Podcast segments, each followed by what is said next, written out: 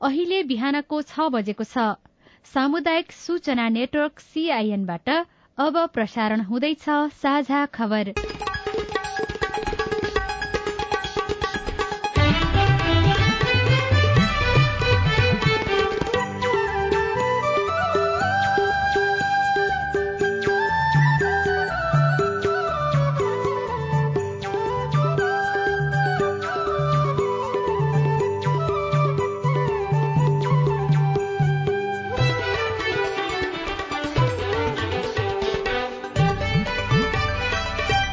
शुभ प्रभात यो सीआईएनको साझा खबर हो। अविनाश आचार्यसँगै लील प्रकाश चन्दको तपाईँलाई स्वागत छ। सामुदायिक रेडियोबाट देशैभरि एकैसाथ प्रसारण भइरहेको साझा खबर सीआईएन खबर डट कम र मोबाइल एप सीआईएनबाट पनि सुन्न सकिन्छ। आज दुई हजार उनासी साल फागुन उन्तिस गते सोमबार मार्च तेह्र तारीक सन् दुई हजार तेइस नेपाल सम्बत एघार सय त्रिचालिस चैत कृष्ण पक्षको षष्ठी तिथि।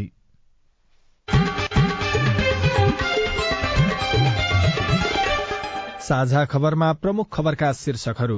विश्वकप क्रिकेट लीग दुईमा नेपालको कीर्तिमानी जीत एक महिनामै सुधारिएको खेलबाट एक दिवसीय मान्यता जोगियो। अर्थतन्त्रका बाह्य सूचकमा सुधार। नवनिर्वाचित राष्ट्रपति पौडेलको शपथ आज। उपराष्ट्रपतिको उम्मेद्वारीका कारण नौदलीय गठबन्धनमा अविश्वास। सोभियु निर्वाचनमा राजनीतिक प्रतिष्ठाको लड़ाई। द्वन्द्वकालीन मुद्दामा क्षेत्राधिकारको विवाद कतार जाने नेपाली श्रमिकको संख्या पचास प्रतिशतले घट्यो सुदूरपश्चिममा थारू समुदायका बाह्र प्रतिशतलाई सिकल सेल एनिमिया। समलिङ्गी विवाहलाई कानूनी मान्यता नदिने भारत सरकारको अडान तालिबान प्रशासनले मान्यता नपाउँदा सार्क महासचिवको जिम्मेवारी बंगलादेशलाई कंगोमा सशस्त्र झडपमा परि उन्नाइस जनाको मृत्यु। र ए डिभिजन लीगमा आज पनि दुई खेल हुँदै बीस वर्ष मुनिको महिला फुटबल टोली एसिया कप छनौटको दोस्रो चरणमा।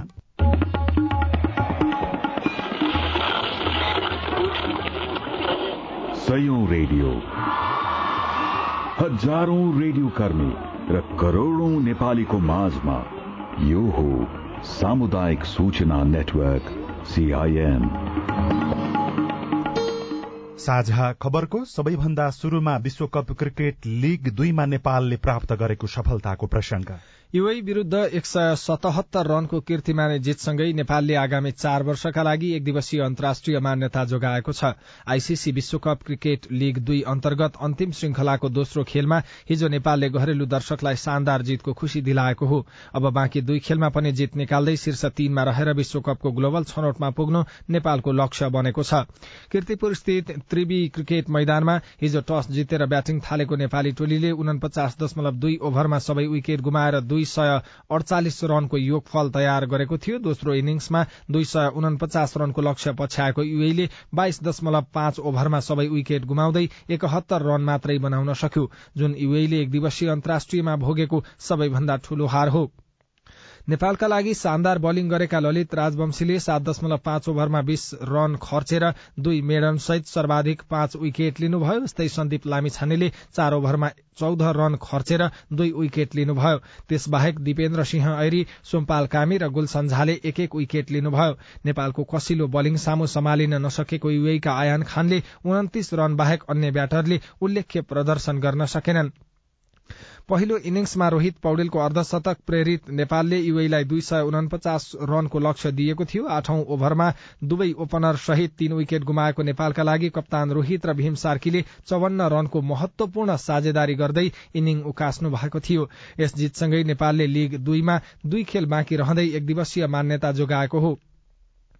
नेपालले सन् दुई हजार अठारको मार्च पन्ध्रमा पहिलो पटक एक दिवसीय मान्यता पाएको थियो। त्यस क्रममा जिम्बावेको हरारेमा भएको आईसीसी क्रिकेट विश्वकप छनौटको प्ले अफमा पपुवा न्युगिनीलाई छ विकेटले पराजित गरेको थियो। एक दिवसीय अन्तर्राष्ट्रिय मान्यता जोगाउन निर्णायक बनेको हिजोको खेल महत्वपूर्ण त थियो नै त्यसमाथि नेपाली क्रिकेट जगतले नबिर्सिने जीत पनि बनेको छ। यो किनभने एक दिवसीय अन्तर्राष्ट्रियमा नेपालले हासिल गरेको यो जीत सबैभन्दा फराकिलो हो। नेपालले सन् दुई हजार एक्काइसमा पपुवा न्युगिनी विरूद्ध एक सय एकाउन्न रनको जीत हासिल गरेको थियो। त्यसको करिब दुई वर्षपछि युए विरूद्ध नयाँ कीर्तिमान रचेको हो। कीर्तिपुरमै सन् दुई हजार बीसमा भएको खेलमा नेपालले अमेरिकालाई छत्तीस रनमा अल आउट गरेको थियो। अब नेपालले श्रृंखलाको अर्को खेलमा आज पपुवा न्युगिनीसँग खेल्नेछ। पछिल्लो सात महिनामा देशको वैदेशिक मुद्रा संचिति तेह्र दशमलव आठ प्रतिशतले बढ़ेको छ। राष्ट्र बैंकले सार्वजनिक गरेको चालू आर्थिक वर्षको साउनदेखि माघ मसान्तसम्मको वित्तीय विवरण अनुसार कुल तेह्र खर्ब त्रियासी अर्ब तेत्तीस करोड़ रूपियाँ बराबरको विदेशी मुद्रा संचिति रहेको छ।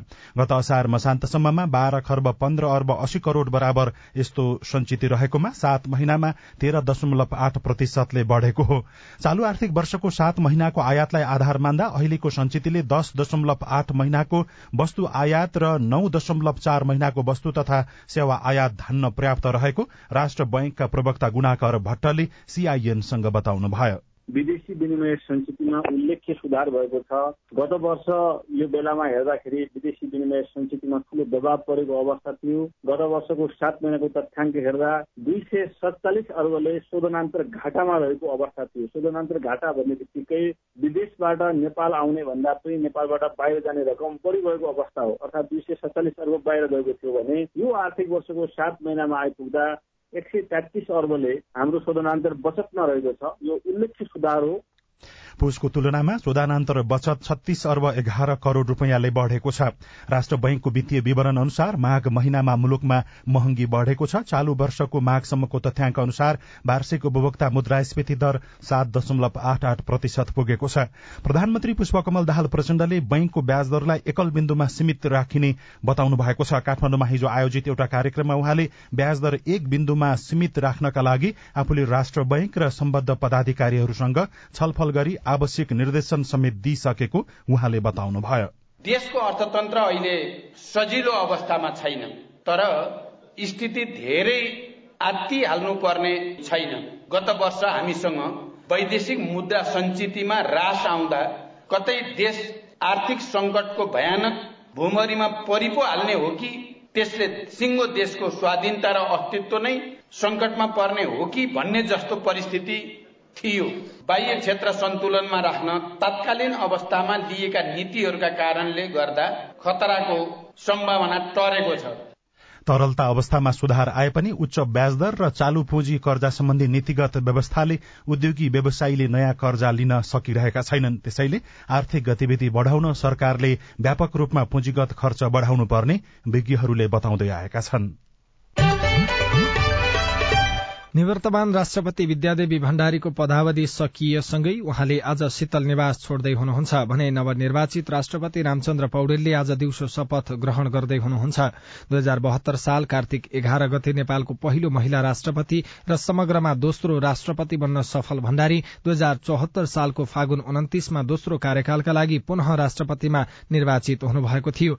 विद्यादेवी भण्डारी नेपालको पहिलो महिला राष्ट्रपतिको गौरवमय नाम बनेको छ खास गरी संसद विघटन गर्ने तत्कालीन प्रधानमन्त्रीका दुई पटकका कदम हतार हतार अनुमोदन गरिनु कुनै सरकारले अध्यादेशबाट ल्याएको विधेयक पारित गरिनु तर संसदबाट पठाइएका त्यस्तै विधेयक रोकिनु राजनैतिक दलको एकता वा विभाजनमा अनावश्यक चासो राखेर राष्ट्रपति चुकेको विश्लेषण हुने गरेको छ। संवैधानिक कानूनका जानकार डाक्टर भीमा अर्जुन आचार्य। संविधानले उसलाई संविधानकै संरक्षक नागरिककै संरक्षक अभिभावक माने हुनाले उसको जिम्मेवारी ठुलो हुन्छ।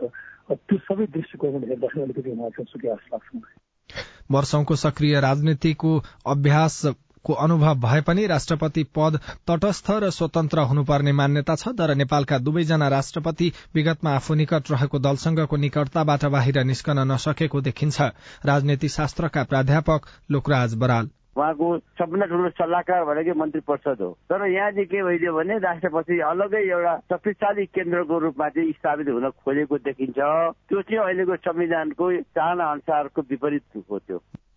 वर्षौं लामो पारिवारिक विरासत तोडेर नागरिक प्रतिनिधिका रूपमा राष्ट्रपति चुनिने प्रणाली अर्थात गणतन्त्रमा राष्ट्र प्रमुखको भूमिका समग्र प्रणालीकै प्रतिविम्बका रूपमा रहन्छ तर राष्ट्रपतिहरूले त्यो गरिमा जोगाउन नसकेको भनेर आलोचना हुने गरेको छ। उपराष्ट्रपति निर्वाचनको विषयमा भने नौदलीय गठबन्धनबाट को उम्मेद्वार बन्ने भन्नेमा अन्यल सिर्जना भएको छ। निर्वाचनमा गठबन्धन भित्रीबाट तीनजनाको उम्मेद्वारी कायम भएको छ। गठबन्धनमा जनता समाजवादी पार्टी जसपालाई उपराष्ट्रपति दिने सहमति भएको भनिए पनि जसपा भित्रीबाट दुईजनाको उम्मेद्वारी परेको छ। अर्को दल जनमत पार्टीले पनि निर्वाचनमा आफ्नो उम्मेद्वार पठाएको छ। उपराष्ट्रपति पदका लागि जसपाबाट राम सहाय प्रसाद यादव प्रमिला कुमारी एमालेबाट अष्टलक्ष्मी साक्य र जनमत पार्टीका ममता झाले उम्मेद्वारी दिनुभएको छ। छलफलमा सहभागी राजनीतिक दलहरूका नेताहरूका अनुसार राष्ट्रपतिमा रामचन्द्र पौडेल निर्वाचित भइसकेको र उपराष्ट्रपति महिला हुनै पर्ने मागसहित सर्वोच्चमा मुद्दा पर्ने कुरा उठेपछि दुवैको उम्मेद्वारी कायम राख्ने निर्णय भएको नेता प्रदीप यादवले सीआईएनसँग बताउनुभयो।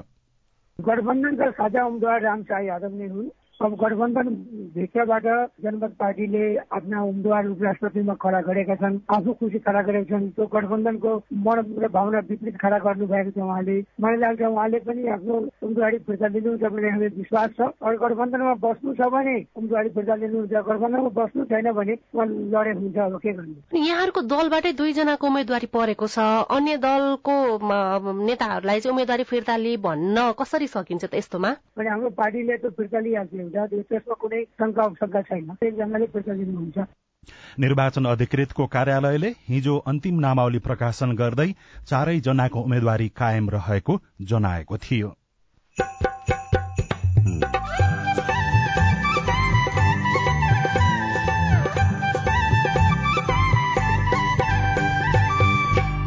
सामुदायिक सूचना नेटवर्क सीआईएन मार्फत देशभरि प्रसारण भइरहेको साझा खबरमा स्वतन्त्र विद्यार्थी युनियनको चुनावबाट विद्यार्थीको अपेक्षा। विद्यार्थीहरूको एउटा चाहिँ वितृष्णा बढ़िसकेको कारणले गर्दा यसलाई चाहिँ कम गर्नको लागि अवश्य पनि सोभियो निर्वाचन हुनुपर्छ भन्ने पक्षमा हामी छौं। द्वन्दकालीन मुद्दामा क्षेत्राधिकारको विवाद कतार जाने नेपाली श्रमिकको संख्या पचास प्रतिशतले घट्यो। सुदूरपश्चिममा थारू समुदायका बाह्र प्रतिशतलाई सिकल सेल एनिमिया लगायतका खबर बाँकी नै छन्। सीआईएनको साझा खबर सुन्दै गर्नुहोला। खडेरी र आदि बेरी आउँदा उठी बास भएको बेला कहाँ जाउँला के खाउला।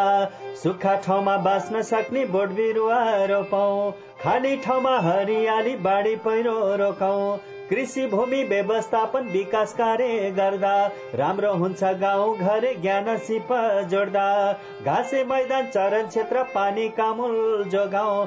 पशुपालन कृषि गरी छोरा छोरी पढाउँ। तन हुँदा नि जलवायु बाँच्न मिल्छ जीवनको सत आयो बाँच्न मिल्छ जीवनको सत आयो बाँच्न मिल्छ जीवनको साथ आयो। जलवायु परिवर्तनले निम्ताएका चुनौतीको सामना गर्न जमिन जल र प्राकृतिक स्रोत व्यवस्थापनका सर्वोत्तम उपलब्धिहरूको कार्यान्वयन गरौं।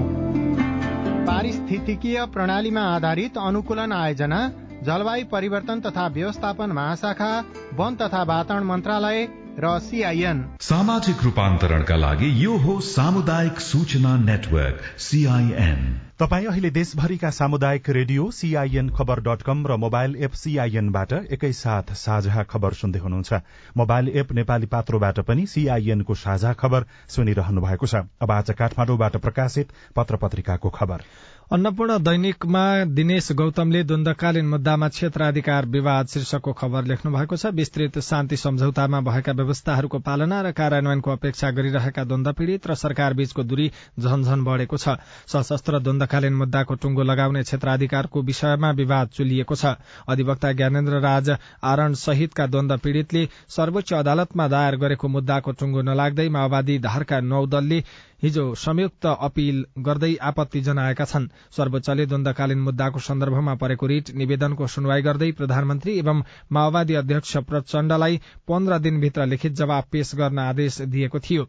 न्यायाधीश ईश्वर प्रसाद खतिवड़ाको इजलासले कानूनी प्रश्नको निरूपण पूर्ण सुनवाईका क्रममा गर्ने जनाएपछि माओवादी घटकहरू आन्दोलित भएका हुन्।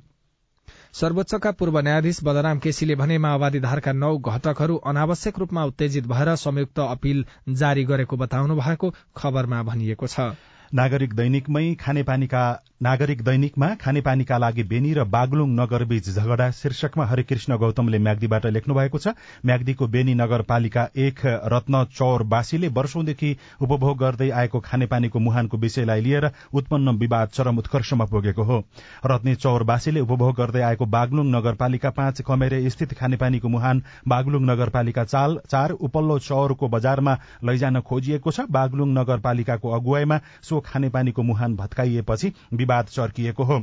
कान्तिपुर दैनिकमा विश्वविद्यालयमा किन घट्दैछन् विद्यार्थी शीर्षकमा सुदीप कैनीले लेख्नु भएको छ व्यवस्थापन विज्ञान प्रविधि इन्जिनियरिङ र मेडिकलमा समेत कोटा अनुसार विद्यार्थी भर्ना नभएपछि त्रिवी पोखरा पूर्वाञ्चल सहितका विश्वविद्यालयमा पुनः प्रवेश परीक्षा लिइएको छ। भित्रीपन्नामा करोड़ौंका भेन्टिलेटर र अक्सिजन प्लान्ट अलपत्र शीर्षकमा गण्डकी प्रदेश ब्यूरोबाट लेखिएको खबर छ कोविड कहरका बेला गण्डकी प्रदेशका विभिन्न अस्पतालमा जडान गरिएका आईसीयू कक्ष अक्सिजन प्लान्ट र प्रदेश सरकारको सहयोगमा खरिद गरिएका भेन्टिलेटर लगायत उपकरण जनशक्ति अभावले थन्किएका छन्। सुदूरपश्चिममा थारू समुदायका बाह्र प्रतिशतलाई सिकल सेल एनिमिया भएको खबर नयाँ पत्रिका दैनिकमा छ। सिकल सेल एनिमियाबाट सुदूरपश्चिमका करिब बाह्र प्रतिशत थारू प्रभावित भएको देखिएको छ। Society of international medicine of Nepal साइमनले गरेको सर्वेक्षणमा सुदूरपश्चिमको कुल जनसंख्याको सत्र दशमलव पाँच प्रतिशत रहेको थारू समुदायको झण्डै बाह्र प्रतिशत सिकल सेलबाट प्रभावित भएको देखिएको हो। सिकल सेल एनिमिया भएका बिरामीको रक्त कोशिकामा आउने लगातार परिवर्तनका कारण छोटो समयमै नष्ट हुन गई रक्त प्रवाहमा अवरोध उत्पन्न हुन्छ र रगतमा अक्सिजनको कमी हुन्छ। पर्याप्त रक्त संचार नहुँदा मस्तिष्कमा रगत जमेर स्ट्रोक शरीरका अंग दुखाई अंग फेल र विभिन्न खालका संक्रमण निम्ताउने हेमाटोलोजिस्ट डाक्टर निरज सिंहले बताउनु भएको छ। सबैजसो पत्र पत्रिकाहरूमा सिन्धुलीमा भएको दुर्घटनामाको दुर्घटनाको खबर छापिएको छ। मध्य पहाड़ी लोकमार्ग अन्तर्गत सिन्धुलीको फिक्कल गाउँपालिका चार कुइभीरमा यात्रुवाहक बस दुर्घटना हुँदा छ जनाको मृत्यु भएको छ भने तीस जना घाइते भएका छन्। गोर्खापत्र दैनिकमा भने कतार जाने पचास प्रतिशतले कमी शीर्षकमा खबर लेखिएको छ। रोजगारीका लागि कतार जाने नेपाली श्रमिकको संख्या पचास प्रतिशतले घटेको हो। कतारमा विश्वकप फुटबल सम्पन्न भएसँगै वैदेशिक रोजगारीका लागि त्यहाँ जाने नेपालीको संख्या आधाले घटेको हो। साझा खबरमा अब प्रश्नोत्तर श्रृंखला सजना तिमल सिन्हाबाट। मेरो नाम सोनी पासवान हो। घर जलेश्वर वार्ड नम्बर चार महोत्तरी। मेरो प्रश्न मध्य प्रदेश लोकसेवा आयोगसँग छ। दुई हजार उनासी साल असोज तीन गते सहायक चौथो त प्रशासन तर्फको परीक्षा सकिएर हाल छ महिना हुन लागिसक्दासम्म पनि पहिलो चरणको नतिजा आउन नसक्नुको कारण के हो र कहिले आउँछ नतिजा? मेरो नाम गङ्गेश कुञ्जन झा हो। प्रदेश लोकसेवा आयोग मध्य प्रदेशको उपसचिव र प्रवक्ता दुइटै हो। यो चाहिँ मेसिनबाट जचाउनु पर्ने हुन्छ। यो प्रश्नहरू उहाँले दिएको इक्जामको चाहिँ। त्यसमा केही प्राविधिक समस्या भएर अलिक ढिलो भएको हो त्यसको लागि हामीले क्षमा चाहिँ माग्ने पर्छ तर त्यो रिजल्ट चाहिँ आज भोलिमा जुनै पनि बेला निस्किन सक्छ मेरो नाम श्याम शर्मा म रूपन्देही जिल्लादेखि बोल्दैछु। म स्वास्थ्य क्षेत्रको प्राविधिकमा प्रदेश लोकसेवा आयोग हेटौँडाले पाँचौँ तहको लागि खुल्ला गरेको थियो। त्यसमा उमेर हद चाहिँ अहिले सबै नेपालभरि नै सबै प्रदेशको पैँतालिस वर्ष उमेर छ भने हेटौँडाले चाहिँ पैँतिस वर्ष मात्र भनेर तोकेको रहेछ। त्यसको लागि कि हामीले दिन पाउनु पर्यो कि रद्द हुनु पर्यो तपाईँको गुनासो सुनेपछि बागमती प्रदेश लोकसेवा आयोगका प्रवक्ता राजु राज अरियाल भन्नुहुन्छ। बागमती प्रदेशको ऐन अनुसार भएको हुनाले हामीले गर्नुपर्ने काम पनि त्यही बागमती प्रदेश ऐन अनुसार नै हो। त्यसैको कारणले पैँतिस वर्ष उल्लेख भएको हुनाले त्यो चेन्ज नभएसम्म पैँतिसै कायम रहन्छ। त्यही अनुसार गरेको हामीले। म नवीन चन्द धारमा गाउँपालिका छ सल्यानबाट। गण्डकी प्रदेश लोकसेवा आयोग अन्तर्गतको शिक्षा प्रास को विज्ञापन कार्तिक महिनामा हुने भनेको थियो। अहिलेसम्म विज्ञापन भएन। अब सो विज्ञापन कहिलेसम्म खुल्छ होला र यसको पाठ्यक्रम परिवर्तन भएको छ कि छैन होला? यस विषयमा गण्डकी प्रदेश लोकसेवा आयोगका प्रवक्ता कृष्ण प्रसाद आचार्यको जवाब छ। हाम्रो लोकसेवा आयोगको वेबसाइट चाहिँ यहाँले हेर्दै गर्नु होला भिजिट गर्दै गर्नु होला प्रदेश सरकारबाट प्रदेश निजामती सेवा नियावली र चाहिँ स्थानीय तहको सेवा नियावली जारी भइसकेपछि हामी लोकसेवा आयोगको विज्ञापन सम्बन्धी क्यालेन्डर प्रकाशन गर्छौँ। नमस्कार मेरो नाम लभ राज घिमिरे कर्णाली प्रदेशको राजधानी सुर्खेतबाट।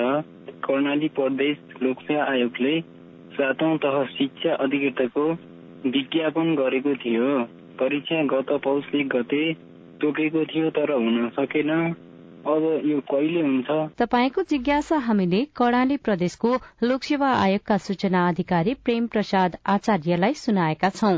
अदालतमा मुद्दा परिसकेपछि अदालतकै आदेश बमोजिम परीक्षा स्थगित भएको र अदालतले परीक्षाको कार्यक्रम अगाडि बढाउन भनेर आदेश दिइसकेका हुनाले अदालतको आदेश बमोजिम अब छुट भएका उम्मेद्वारहरूलाई दरखास्त दिने समय दिएर अब छिट्टै आएको निर्णय हुन्छ। तपाईँ जुनसुकै बेला हाम्रो टेलिफोन नम्बर शून्य एक बान्न साठी छ चार छमा फोन गरेर आफ्नो प्रश्न विचार गुनासो तथा प्रतिक्रिया रेकर्ड गर्न सक्नुहुनेछ।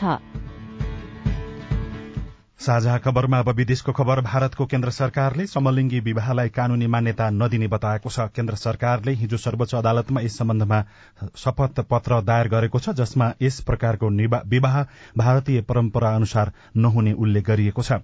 दक्षिण एसियाली क्षेत्रीय सहयोग संगठन सार्कका सदस्यहरूले वर्तमान काबुल प्रशासनलाई मान्यता नदिएका कारण सार्क महासचिवको जिम्मेवारी बंगलादेशले पाएको छ। सार्क नियम अनुसार यो वर्ष नेतृत्व गर्ने पालो अफगानिस्तानको थियो। अफगानिस्तानपछि बंगलादेशको पालो हो। अफगानिस्तानको तालिबान प्रशासनलाई सार्कले मान्यता नदिएको अवस्थामा बंगलादेशका वरिष्ठ कूटनीतिज्ञ गुलाम सरबरलाई आठ सदस्यीय क्षेत्रीय संगठनको महासचिवमा नियुक्त गरिएको छ। पूर्वी प्रजातान्त्रिक गणतन्त्र कंगो डीआरसीमा सशस्त्र झडप हुँदा उन्नाइस जनाको मृत्यु भएको छ। उत्तरी किबु प्रान्तको बेनीको इलाकामा पर्ने किरिन्दरा गाउँमा झडप भएको अधिकारीहरूले बताएका छन्। विद्रोहीले एक स्वास्थ्य केन्द्र सहित गाउँका कैयौं भवनमा आगजनी गरेका छन् र इरानी विश्व इरानी विद्यालयका हजारौं छात्रलाई रहस्यमय ढंगले बीचको माध्यमबाट आक्रमण गरेको अभियोगमा एक सय भन्दा बढ़ीलाई पक्राउ गरिएको छ। गत नोभेम्बरको अन्त्यदेखि सतहमा आएको बीस प्रकरणमा इरानमा इरानमा गम्भीर बन्दै गएको छ। विद्यालय परिसरमा विषाक्त गन्ध फैलाएर छात्रालाई आक्रमण गरिएको प्रारम्भिक अनुसन्धानले देखाएको छ। धेरै छात्रा बेहोश हुने वाकवाकी लाग्ने सास फेर्न कठिन हुने समस्याबाट पीड़ित भएका थिए। साझा खबरमा अब खेल खबर शहीद स्मारक डिभिजन लीग फुटबलमा आज दुई खेल हुँदैछन्। पहिलो खेल दिउँसो दुई तीस बजे हिमालयन शेर्पा र कुमलटार युथ क्लब बीच हुनेछ। त्यस्तै आजै हुने अर्को खेलमा साँझ पाँच तीस बजे सातो बाटो र थ्री स्टारले प्रतिस्पर्धा गर्नेछन्। हिजो न्युरोड टीम एनआरटी र आर्मी तीन तीनको बराबरी खेलेका छन् भने मनाङ मर्साङदी क्लब र मछिन्द्र फुटबल क्लब बीचको खेल गोलरहित बराबरीमा सकिएको थियो। सोभिउ निर्वाचन विद्यार्थीको अधिकारका लागि भन्दा पनि दलीय प्रतिष्ठाको रूपमा हेरिँदै रिपोर्ट अरू खबर र कार्टुन पनि बाँकी नै छ। सीआईएनको साझा खबर सुन्दै गर्नुहोला। ल कान्छा यतिका दिन जे भयो भयो। अब दाई दिदी बहिनीहरूसँग रिस नराखेस् है। कान्छा दाईले मात्र होइन क्या आमा? मेलमिलाप भइसकेपछि अब कसैले मनमिलो बनाउनु भएन। तपाईँहरूले नै रोजेका मेलमिलापकर्ता राखेर जग्गाको साँच सिमाना बारेको नौ वर्षदेखिको विवादमा मेलमिलाप भयो। योभन्दा खुसीको कुरा हामी मेलमिलापकर्ताको लागि के हुन्छ र? मेलमिलापकर्ता बाबु हामी दुई भाइ बीचको झगडालाई यति सजिलै चाँडै मिलाइदिनु भएकोमा तपाईँलाई मुरी मुरी धन्यवाद छ। मैले यो मेलमिलाप केन्द्र भन्ने त अलि पहिले नै सुनेको थिएँ क्या बाबु? मन माझ गरेर दुवै पक्षले जित्ने गरी पो कुरा मिलाउनु हुने रहेछ। कस्तो राम्रो। मनमुटाप गर्नेहरूलाई अबदेखि यो मेलमिलाप केन्द्रमै जाऊ भन्छु म चाहिँ। सुन्नुहोस् आमा। सरकारी सामुदायिक र सार्वजनिक बाहेक जग्गा सम्बन्धी विवाद गाली बेजती लुटपिट सहित विभिन्न एघार प्रकारका विवाद हरेक वडामा रहेका मेलमिलाप केन्द्रबाट मिलापत्र गराउन सकिन्छ नि आमा। कस्तो राम्रो। अनि हरेक वडामा यस्ता मेलमिलाप केन्द्र छन् त बाबु। छन् नि आमा किन नहुनु? कुनै कुनै वडामा दुई वा त्यसभन्दा धेरै पनि छन्। विवादका पक्ष र विपक्षका व्यक्तिले चाहेको मेलिपलाप केन्द्रबाट निकास खोज्न सकिन्छ। वडाको मेलिपलाप केन्द्रबाट विवाद समाधान भएन भने नि आमा? हजुर। पालिकाको न्यायिक समितिले पनि विवाद समाधानका लागि छलफल गराउन सक्छ। आहा यति भएपछि त गाउँघरको झगडा गाउँमै हाँसु खुसीका साथ मिल्ने भइहाल्यो नि होइन त? हो नि आमा। अस्ट्रेलिया सरकार र द एसिया फाउन्डेशनको साझेदारीमा सञ्चालित स्थानीय सरकार सबलीकरण कार्यक्रम र अकोराब नेपाल। सामाजिक रूपान्तरणका लागि यो हो सामुदायिक सूचना नेटवर्क सीआईएन साझा खबरमा अब सोभियु निर्वाचन र दलका भातृ संगठनको चलखेलको प्रसंग आउँदो चैत पाँच गते स्वतन्त्र विद्यार्थी युनियन सोबियुको निर्वाचन हुँदैछ। त्रिभुवन विश्वविद्यालय अन्तर्गत देशभरका बैसठीवटा आंगिक सहित एक हजार चालिसवटा सम्बन्धन प्राप्त क्याम्पसमा चौध वर्षपछि सोभियुको निर्वाचन हुन लागेको हो। तर यति लामो समयपछि हुन लागेको निर्वाचनबाट आशा कम त्रास बढ़ी भने जस्तो देखिएको छ। विद्यार्थी भने शान्तिपूर्ण र शैक्षिक मुद्दामा केन्द्रित सोभियु निर्वाचनको पर्खाईमा छन्। दिउँसोको पारिलो घाम ताप्दै पाटन संयुक्त क्याम्पसका केही विद्यार्थी सोभियु निर्वाचनका बारेमा छलफल गरिरहेका छन्।